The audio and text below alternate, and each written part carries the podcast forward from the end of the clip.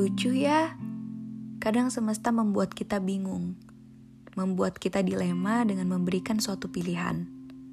Kadang pilihannya mudah untuk dipilih, kadang sangat sulit untuk ditentukan.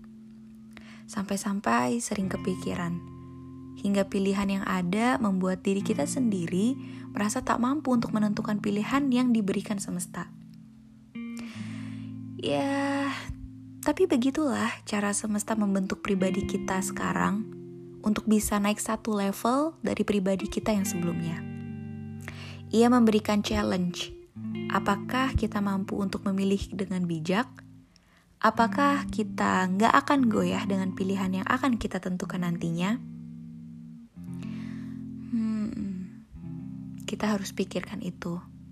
Kita harus membuat pribadi kita naik satu level terus-menerus bukan diam di tempat atau mundur ke belakang. Kita harus bisa menentukan pilihan. Iya, kita harus mampu memilih.